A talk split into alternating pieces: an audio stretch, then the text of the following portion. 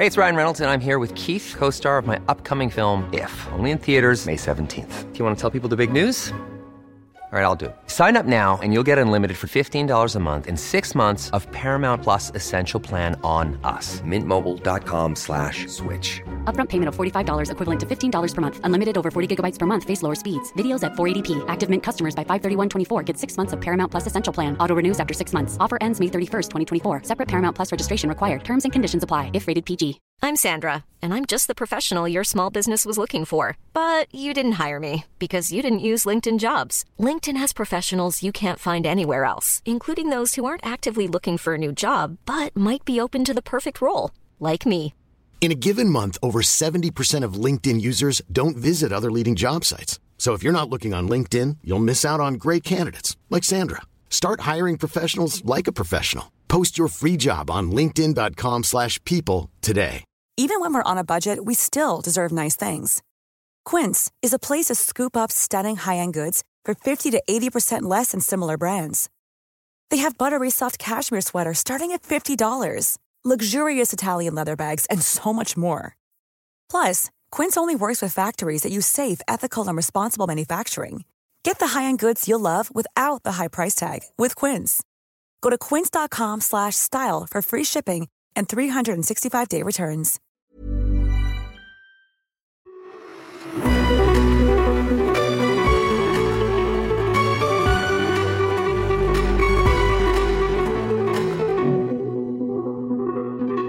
Ba-da-ba-da-ba. Hallå! Hallå! Hur mår ni? Vi mår bra. Ja, faktiskt. Ja, Ja. förvånad. Jättebra. Nej men det är bra, det, det rullar på. Veckans lyssnar shoutout kör vi från Spotify. Ja, Ja. veckans lyssnare är Sören. Eh, Jag, säger, jag Sören, säger ditt Sören. förnamn bara, för jag vet inte om eh, du vill att vi säger ditt efternamn. Men Sören lyssnar eh, när han pendlar till och från jobbet och ibland även på jobbet och han jobbar i en gruva. Nej men, va? Mm. Nej vad coolt! Det är ju skitspännande. Men gud, det köper jag. Jag kan tänka mig att oförklarliga fenomen passar bra i en gruvmiljö. Ja, verkligen. Jag hoppas att det är liksom högtalare också, så att det liksom är med, med akustiken från gruvan. Ja, vi stör gruvfrun där. Ja. Tack så hemskt mycket Sören för att du kommenterade på vårt senaste avsnitt på Spotify. Tusen tack. Ja. Den här veckan tänkte vi att vi berättar historier för varandra. Ja, och för er Ja. som lyssnar. Eh, jag vet att du har hittat någonting på vår mail Jajamän. och jag har hittat något ute på intranätet. Din specialitet. Du har gjort ett gräv. Ja, om jag har. Ja, om du har. Du får börja. Jag tackar.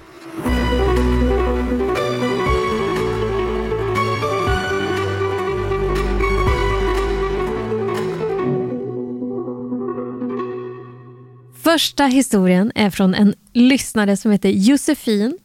Hon skriver, hej mitt namn är Josefin och sen ett efternamn, jag vet inte om jag får säga det. Eh, Och jag är 23 år. Vill börja med att säga att jag älskar er podd. Mitt favoritavsnitt är nog det första jag hörde, Waverly Hills Sanatorium. Det kanske låter som att jag är en psykopat, men jag jobbar på ett sjukhus och arbetar nere i källaren och ser och hör ett och annat. Vilket gör att lyssna på er podd medan jag arbetar är lite extra spännande. Har, har, har ni en sån korridor eller en sån tunnel som de hade på Waverly, Nej, men, där, där man rullar liksom Nej, de döda på? Shh. Du kan väl mejla och berätta? Gör inte det. Händelserna på sjukhuset är för många för att gå in mycket på, så jag kan förklara lite kort. Vi åker i källaren under sjukhusets källare, så ja, så långt ner du kan komma. Där kör vi också avlidna, så där kan man räkna med att höra något. Det var exakt Ja, men där du sa då den. Ja. fick jag svar på det. Ja. Vad bra. Och när jag var där nere så hade jag satt fast vagnen i trucken ordentligt. Den kan inte lossna utan att man drar upp ett tjockare metallrör.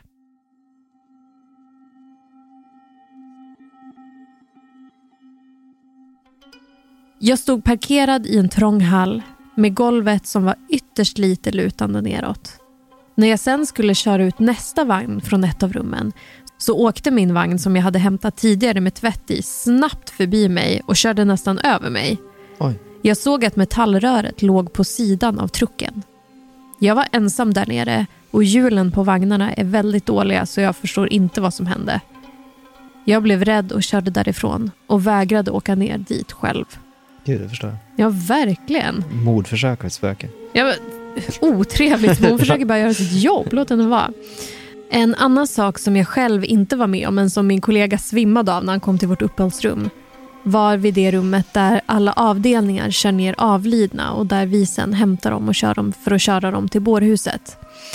Han hade gått förbi den låsta dörren och helt plötsligt började det rycka aggressivt i handtaget.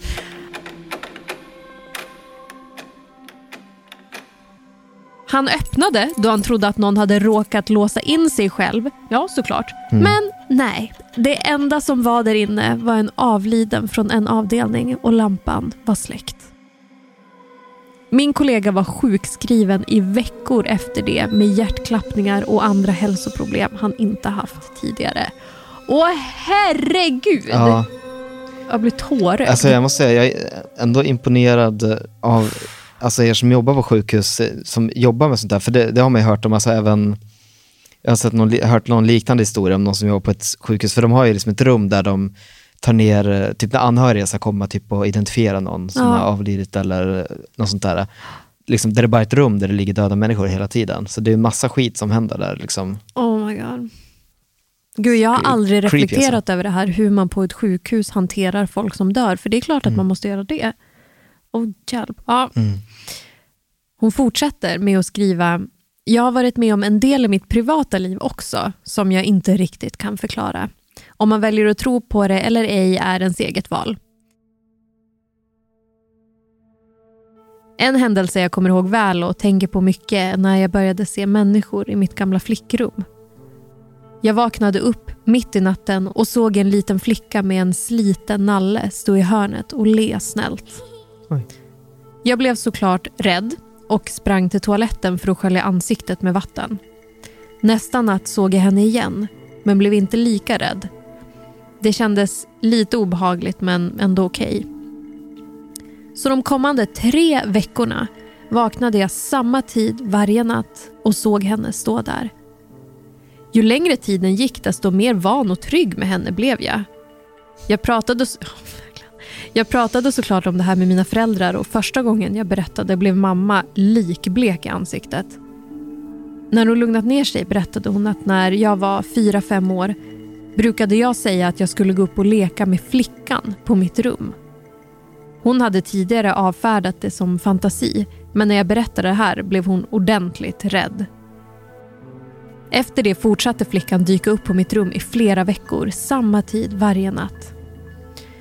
Jag fick på något konstigt sätt en bra känsla från henne, som att hon inte ville något illa. En natt reagerade jag dock på att det var något mer än bara hon. Jag kollade ner mot mina fötter och såg en äldre dam i långt nattlinne som satt och log mot mig. Snällt hon också. Jag tyckte såklart att det var obehagligt men kände mig ändå inte rädd. Hon hade samma snälla ögon som den lilla flickan. Så jag lät det vara och vaknade samma tid om nätterna och såg dem båda under många veckor. Jag fick inte mycket sömn men det kändes tryggt på något sätt att ha dem där. Vad fint. Ja. Och det är inte de enda besöken jag haft på nätterna. En natt fick jag besök av något jag aldrig sett innan eller efter. I dörröppningen stod en proper kvinna i nästan som en gammal kostym. Axellångt hår och snälla ögon. Jag tyckte att jag kände igen henne på något sätt. Och sen när jag på morgonen berättade för min pappa blev han fundersam och visade mig en bild på kvinnan jag sett. Jag frågade vem hon var och det var hans faster. Wow. Det vi var förundrade över var dock att hon levde. Men några timmar efter att vi hade pratat om det här får pappa ett samtal från sin halvsyster att hans faster gått bort under natten. Wow. Oj! Coolt. Men gud, hon tog en liten runda och liksom sa hej då. Jen Nixon. Ja. Ja, jag tycker synd om er som bara hör det här och inte kunde se den nu. Det var den gulligaste lilla honnören. Tack för mig. Och hon avslutar med, nu tycker ni väl att jag ska skaffa hjälp, haha. Men det är lite intressant att se. Samt jag är nästan aldrig ensam. Alltså, Josefin. Nej, jag tycker inte att du behöver skaffa hjälp, men det är återigen det här som jag tycker är så intressant, som vi pratar lite om i andra avsnitt, att eh, vissa av er får besök hela tiden. Känns det Ja. som. Får väldigt ofta besök, liksom, medan andra går ett helt liv utan att se något spöke, eller Ja. liksom någon, någonting övernaturligt överhuvudtaget. Ja, du hade ju lite teorier på det här i förra avsnittet, men det, är, det är intressant. Tack så hemskt mycket Josefin för att vi fick läsa några av dina upplevelser. Jättespännande. Stort tack. Ja. Okej, Danne, vad har du grävt fram från internets mörka hålor? Du ska få höra en historia Mhm. som heter... Du ska få höra en historia som heter Jag hittade ett brev från min stalker Okej. av Minister of Owls. Uff, Det är ett bra namn. otroligt användarnamn. Aldrig hört något mer Hogwarts. Ministry of Owls. Ja, jag blundar och gör mig redo.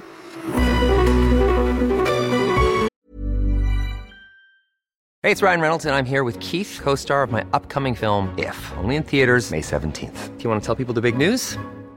All right, I'll do it. Sign up now and you'll get unlimited for $15 a month in six months of Paramount Plus Essential Plan on us. Mintmobile.com slash switch. Upfront payment of $45 equivalent to $15 per month. Unlimited over 40 gigabytes per month. Face lower speeds. Videos at 480p. Active Mint customers by 531.24 get six months of Paramount Plus Essential Plan. Auto renews after six months. Offer ends May 31st, 2024. Separate Paramount Plus registration required. Terms and conditions apply if rated PG. Hiring for your small business? If you're not looking for professionals on LinkedIn, you're looking in the wrong place. That's like looking for your car keys in a fish tank. LinkedIn helps you hire professionals you can't find anywhere else, even those who aren't actively searching for a new job but might be open to the perfect role. In a given month, over 70% of LinkedIn users don't even visit other leading job sites. So start looking in the right place. With LinkedIn, you can hire professionals like a professional. Post your free job on linkedin.com/people slash people today. Even when we're on a budget, we still deserve nice things. Quince is a place to scoop up stunning high-end goods for 50 to 80% less than similar brands. They have buttery soft cashmere sweaters starting at $50, luxurious Italian leather bags, and so much more. Plus, Quince only works with factories that use safe, ethical, and responsible manufacturing. Get the high-end goods you'll love without the high price tag with Quince. Go to quince.com slash style for free shipping and 365-day returns.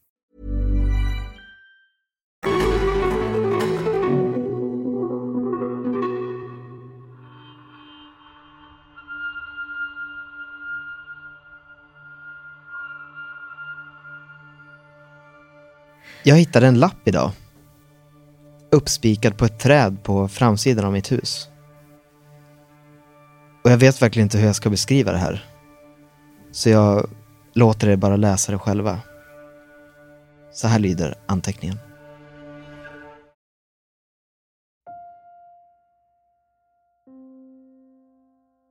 Jag såg dig idag. Det var din födelsedag. Du såg inte mig. Det gör knappt det nu för tiden. Din hud såg så fin och frisk ut. Och dina ögon, det var det vackraste jag någonsin sett dem. Du har vuxit så mycket. Du såg så annorlunda ut när du var yngre. Jag minns dagen jag träffade dig för första gången. Det var för fyra år sedan. Jag satt vid mitt skrivbord med huvudet nedvänt och lyssnade på läraren som kollade närvaron. Och läraren ropade ut ett namn som jag inte kände igen. Och en främlingsröst svarade bakom mig. Var det en ny elev i klassen? Läraren pausade inte ens en sekund utan fortsatte bara att ropa ut namn efter namn. Jag vände mitt huvud mot där rösten hade kommit ifrån. Och såg dig. Så blek. Så tunn. Röda ögon. På en plats som borde ha varit tom. Och jag såg eldflugor flyga runt dig. Flimrande. Dussintals av dem. Ständigt kretsande och svärmande. Helt nära dig. Jag såg dem flyga rakt igenom dig och komma ut genom din hud. Som om du var en dimma för dem. Kan du tro att jag trodde du var ett spöke? Ingen annan verkade erkänna den nya främlingen som satt längst bak i klassrummet. Lektion efter lektion. Timme efter timme gick medan jag väntade på att något skulle hända. Att någon skulle märka dig, att du skulle försvinna. Eller att du skulle skrika rakt ut och flyga på mig och klösa mig som i skräckhistorien jag var säker på att jag var med i. Men ingenting hände. Lärare kom och gick. Mina klasskamrater skrattade och sov. Och du bara satt där.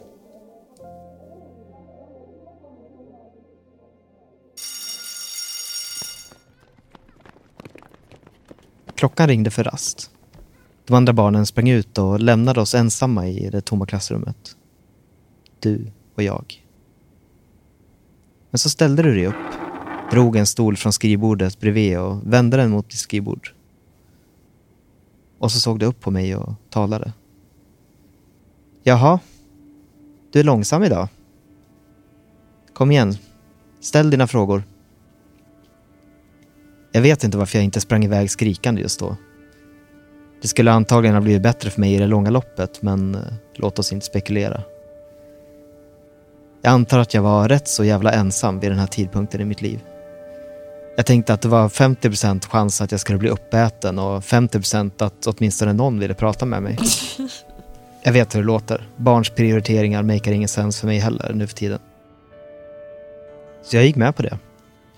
Jag gick över till ditt skrivbord, satte mig ner på stolen du dragit fram mot mig och ställde min fråga. Vad var du? Du berättade att du inte visste. Du sa att du en gång var ett barn. Precis som jag.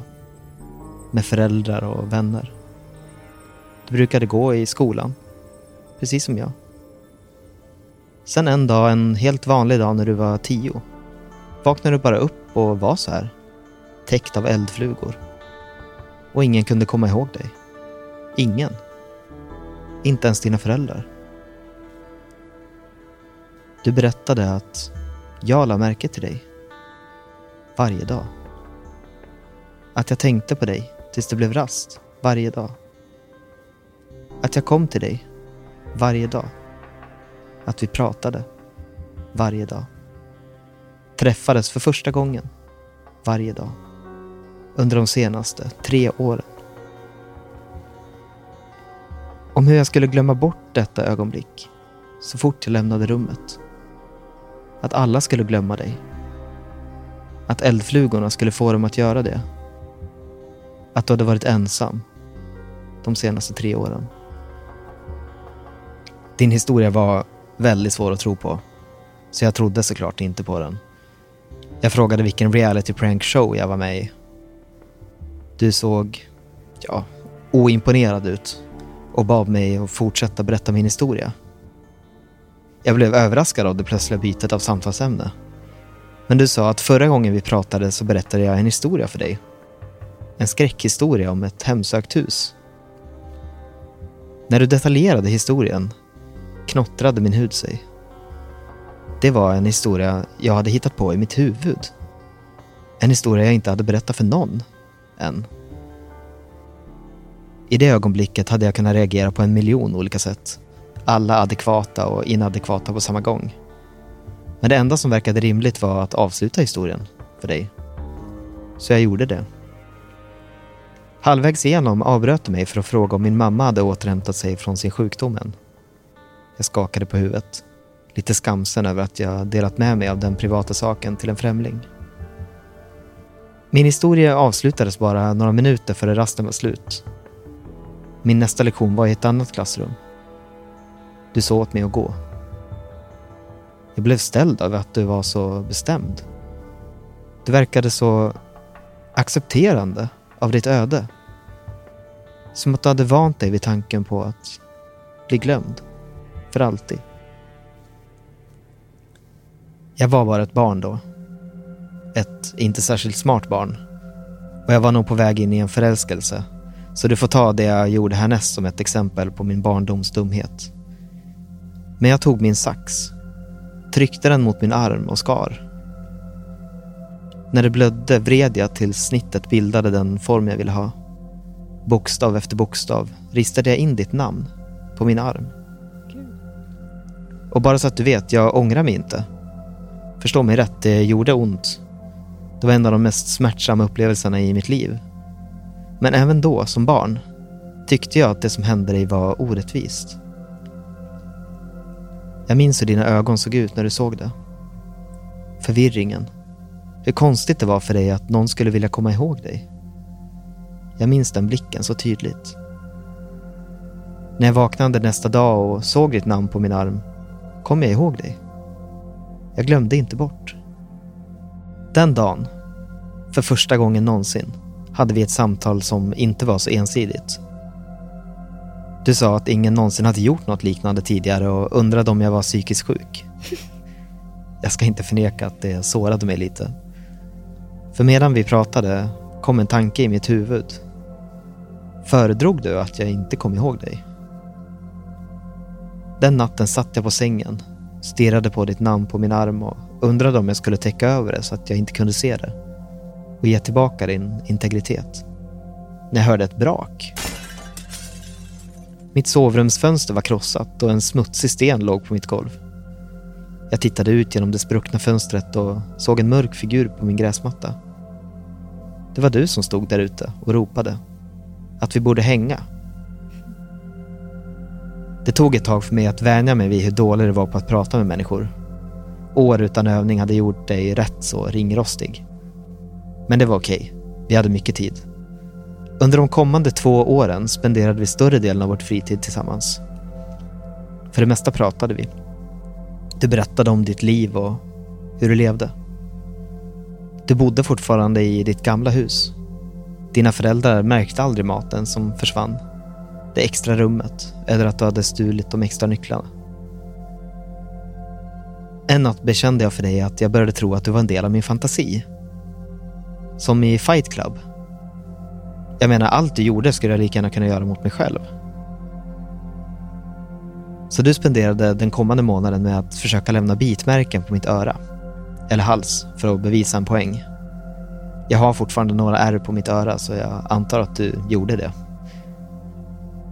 Nu när jag ser tillbaka kunde jag se varningssignalerna redan då. Din hud såg sämre och sämre ut. Blekare och blekare. Och det hade gnuggat dina ögon, så de var alldeles gråa. Men det var under vintern vi fick vår riktiga väckarklocka. Jag gick upp för skoltrapporna, ner längs korridoren, genom klassrumsdörren och satte mig ner vid mitt skrivbord. En känsla av att jag hade glömt något viktigt plågade mig. Vad var det jag hade glömt? När rasten kom satt jag bara vid mitt skrivbord medan mina klasskamrater sprang ut. Det kändes som en ritual och jag visste inte riktigt varför. Och jag funderade på att bara gå ut och vara med de andra när jag hörde det. Det var något litet i luften. Som en viskning. Men det kom om och om igen. Outtröttligt. Det lät som mitt namn. Jag visste att det var konstigt men jag kände mig märkligt lugn. Att allt skulle bli bra. Allt skulle bli bra.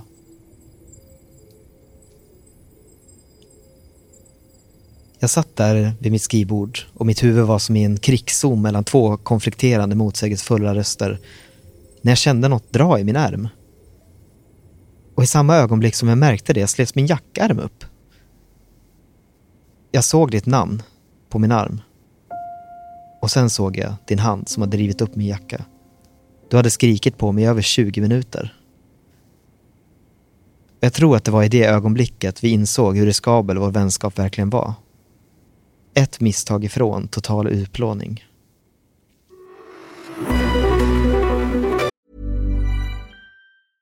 Hey, it's Paige DeSorbo from Giggly Squad. High quality fashion without the price tag. Say hello to Quince. I'm snagging high-end essentials like cozy cashmere sweaters, sleek leather jackets, fine jewelry, and so much more. With Quince being 50 to 80% less than similar brands. And they partner with factories that prioritize safe, ethical, and responsible manufacturing. I love that. Luxury quality within reach. Go to quince.com slash style to get free shipping and 365-day returns on your next order. quince.com slash style.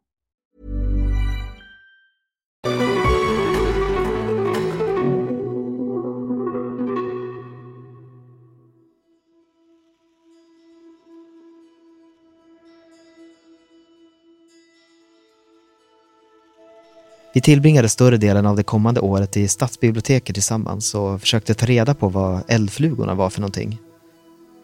Det var egentligen inget problem för mig. På grund av mammas behandling hade min familj inte råd att åka på några resor och vårt hus hade inte längre någon uppvärmning så jag var glad att få spendera tid med dig. Och att försöka hitta information, det var en gåta i sig. För hur skulle jag kunna läsa om folk jag inte kunde komma ihåg? Och hur skulle du ta reda på vem som var speciell? När ingen ens kunde komma ihåg tillräckligt om dem för att registrera dem. Vi hittade våra gamla släktträd och register. Individuellt så skrev vi ner namnet på alla i boken på två listor för att sedan jämföra. Namnen jag inte hade kommit ihåg att skriva ner, men som du hade, var de vi skulle fokusera på. Det var namnen på de som var under eldflugornas förbannelse. Vi sammanställde en lista över böcker. Böcker som vi trodde skulle kunna hjälpa oss eftersom de var skrivna av eller handlade om de människor vi letar efter. Jag läste böckerna med namnlistan sida vid sida. Du sökte på internet på bibliotekets datorer på jakt efter artiklar om de här människorna. Och vår sökning skulle leda oss till den första glimten vi fick av vad som verkligen hände med dig. Det var sent på kvällen när du hittade bilden. Jag var lite sömnig vid den tiden och nästan på väg att nicka till när jag hörde en skarp inandning. Jag vände mig om och såg dig stå upp, pekandes mot skärmen. Jag såg ingenting. Inget anmärkningsvärt. På skärmen var en bild av en glänta någonstans i skogen. Du höll upp en lapp där du hade markerat två namn. Susie Appleby Reagan, 13. Terry Appleby Reagan, 12. Syskon. Under ett ögonblick såg jag lappen och skärmen sida vid sida. Och då såg jag dem. Två figurer, framträdande från skogen. Mot kameran. De var nästan mänskliga med undantag för deras lemmar som sträckte sig till mardrömslika proportioner. Deras blanka vita hud var som en albinos och såg mer ut som trädbark än något man förväntade sig hitta på ett däggdjur. En svärm av eldflugor omgav duon. Den kortare såg uttorkad ut. Jag kunde se deras revben och deras ögon. Gud, deras ögon. Så små, så röda. Den längre med långt vitt hår såg inte längre levande ut. De var inte mer än tunn hud runt ett skelett. Eldflugor svärmade ut ur parets tomma ögonhålor. Båda sträckte sig efter kameramannen. Jag tittade på artikeln om bilden. Det var ett blogginlägg av en vandrare 20 år efter det sista omnämnandet om de två barnen. Bilden var en gåta även för kameramannen. Han hade velat gå till skogen som avbildades under en lång tid nu. Men han kom aldrig ihåg att faktiskt ha varit där. Bilden hade bara dykt upp på hans kamera en dag, rakt upp och ner. För ett ögonblick tittade jag på ditt ansikte. Ditt tunna, bleka ansikte. Med de rödådriga ögonen. Skulle det där vara du? När mitt ärr bleknade? Bara en vandrande skräck som jag skulle kunna skymta och sen glömma. Vi arbetade igenom vår läslista i en mycket snabbare takt från det ögonblicket. Kanske borde vi ha gått långsammare fram. Varje bok, varje webbplats vi inte läst än lovade hopp. De böcker vi hade avslutat och kastat åt sidan lovade inget annat än gläntan i skogen som ens framtid. Och vi la många böcker åt sidan. Jag tror att jag hade plöjt igenom tre fjärdedelar av min läslista innan jag snubblade över dagboken. Åh gud. Den fruktansvärda, fruktansvärda dagboken. Dagboken tillhörde en gång en psykpatient som hette Joey som påstod sig vara en seriemördare. Han låstes in på ett mentalsjukhus när polisen upptäckte att hans påstådda offer aldrig existerade. Han diagnostiserades med ett behov av uppmärksamhet och blev bortglömd. De borde ha elchockat honom. De borde ha stekt honom tills hans kött smälte och hans hår brändes. I dagboken berättade han om hur han utförde sina mord. Han visste saker. Bizarra och störande saker som ingen annan visste. Han kände till märkliga varelser som levde i skogen. Av alla de här varelserna var hans favoriter eldflugorna. Jag kommer inte berätta för dig hur han kallade på dem. Jag litar på dig. Jag litar på dig mer än någon annan men en sån här sak borde inte någon veta. Det räcker att veta att de inte bara var eldflugor. Joey brukade inleda sin ritual genom att ta ett barn. Vilket barn som helst. Vem man ville. Han kunde ta dem när som helst. Mitt i natten från deras egna hem eller mitt på ljusa dagen från deras gårdar. Det spelade ingen roll om man blev sedd. Han tog med dem till sitt hus och drog in dem där. Sen drog han in dem till ett speciellt rum i sitt hus. Här skulle eldflugorna komma och fästa sig vid dem. Och nu sökte ingen efter barnen mer. Inte polisen, inte föräldrarna, ingen. Från och med då kunde han göra vad han ville med barnet. Nej men fy. Han brukade tröttna på dem efter en eller två dagar, när barnet hade knäckts. Vid den tidpunkten gjorde han sig av med dem. Med såg, kökskniv, vad som helst. Han beskrev en stor grop med kroppar som han hade i skogen. Myllrande av insekter. En dag antar jag att han tröttnade på det också. Så han gick över till polisstationen och överlämnade sig själv. Inte på grund av skuld. Nej, nej, nej. Han ville bara att någon skulle få reda på vad han gjorde. Sjuk jävel. Och missförstå mig inte. Han slutade aldrig döda barn. Asylens dörrar hindrade honom inte från att göra vad han gillade. Det fick honom bara att improvisera. Så han skapade ett nytt sätt. Han modifierade flugorna så att de kunde överleva utan en värld. Bara i ett vilande tillstånd.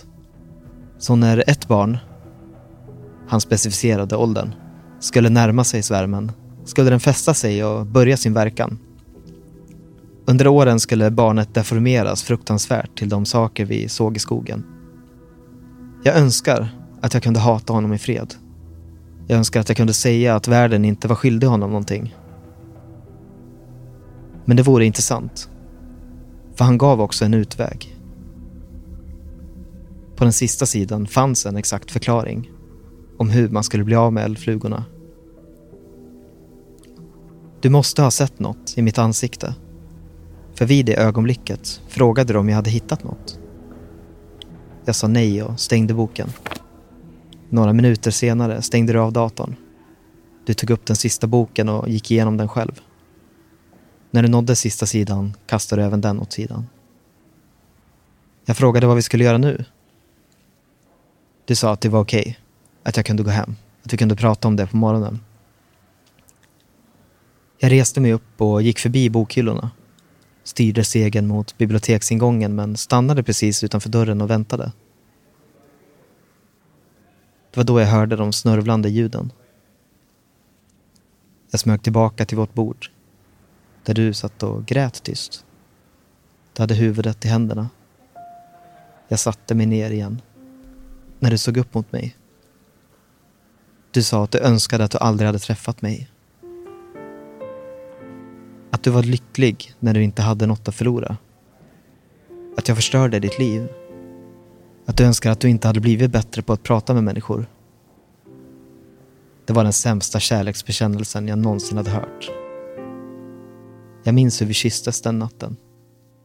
Jag minns dina händer som grep tag i mitt hår. Jag kommer aldrig glömma den kyssen.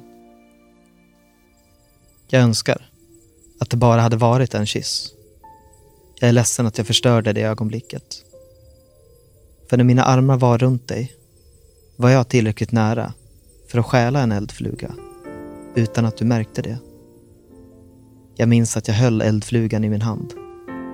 Jag minns hur den kämpade tills den inte gjorde det längre.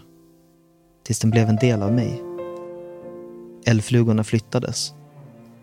De kom över till mig och lämnade dig. Jag minns det bekanta uttrycket i dina ögon. Förvirringen. Jag ville aldrig se den där förvirringen i dina ögon igen. Du förtjänade att bli älskad och förtjänade att veta det. Jag levde ju inte riktigt ändå. Du försökte nå mig men det sista ljuset av igenkänning från dina ögon slocknade. Och sen stirrade du bara på en främling som försvann i en folksamling. Det var ett år sedan. Du har blivit så mycket bättre sedan dess. Du har så många vänner nu.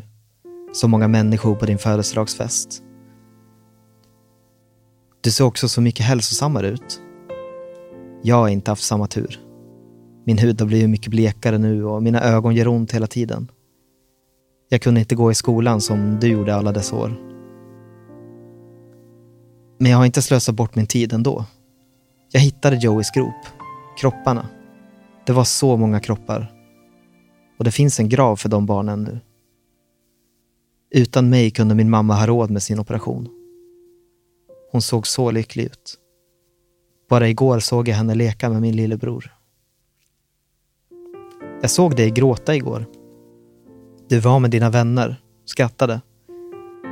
Men för ett kort ögonblick mötte dina ögon mina. Och sen var du så tårögd. Jag tror att jag ska lämna dig nu, för gott. Du kommer inte att bli lycklig om jag stannar kvar. Jag är så glad att jag träffade dig. Även om du inte minns mig. Här är lappen slut. Och eh, personen som har fått den här lappen skriver Ibland går jag igenom depressiva episoder. Jag känner mig så ensam. Även med mina vänner. Jag vet inte vad som går igenom mitt huvud under de här perioderna. Och ibland hamnar jag i ett badkar med en kniv i mina händer och mina handleder blöder. Tills nu har jag trott att jag bara skar mina handleder. Det gjorde jag inte. Snitten, de är bokstäver. Jag har karvat ett namn på min arm.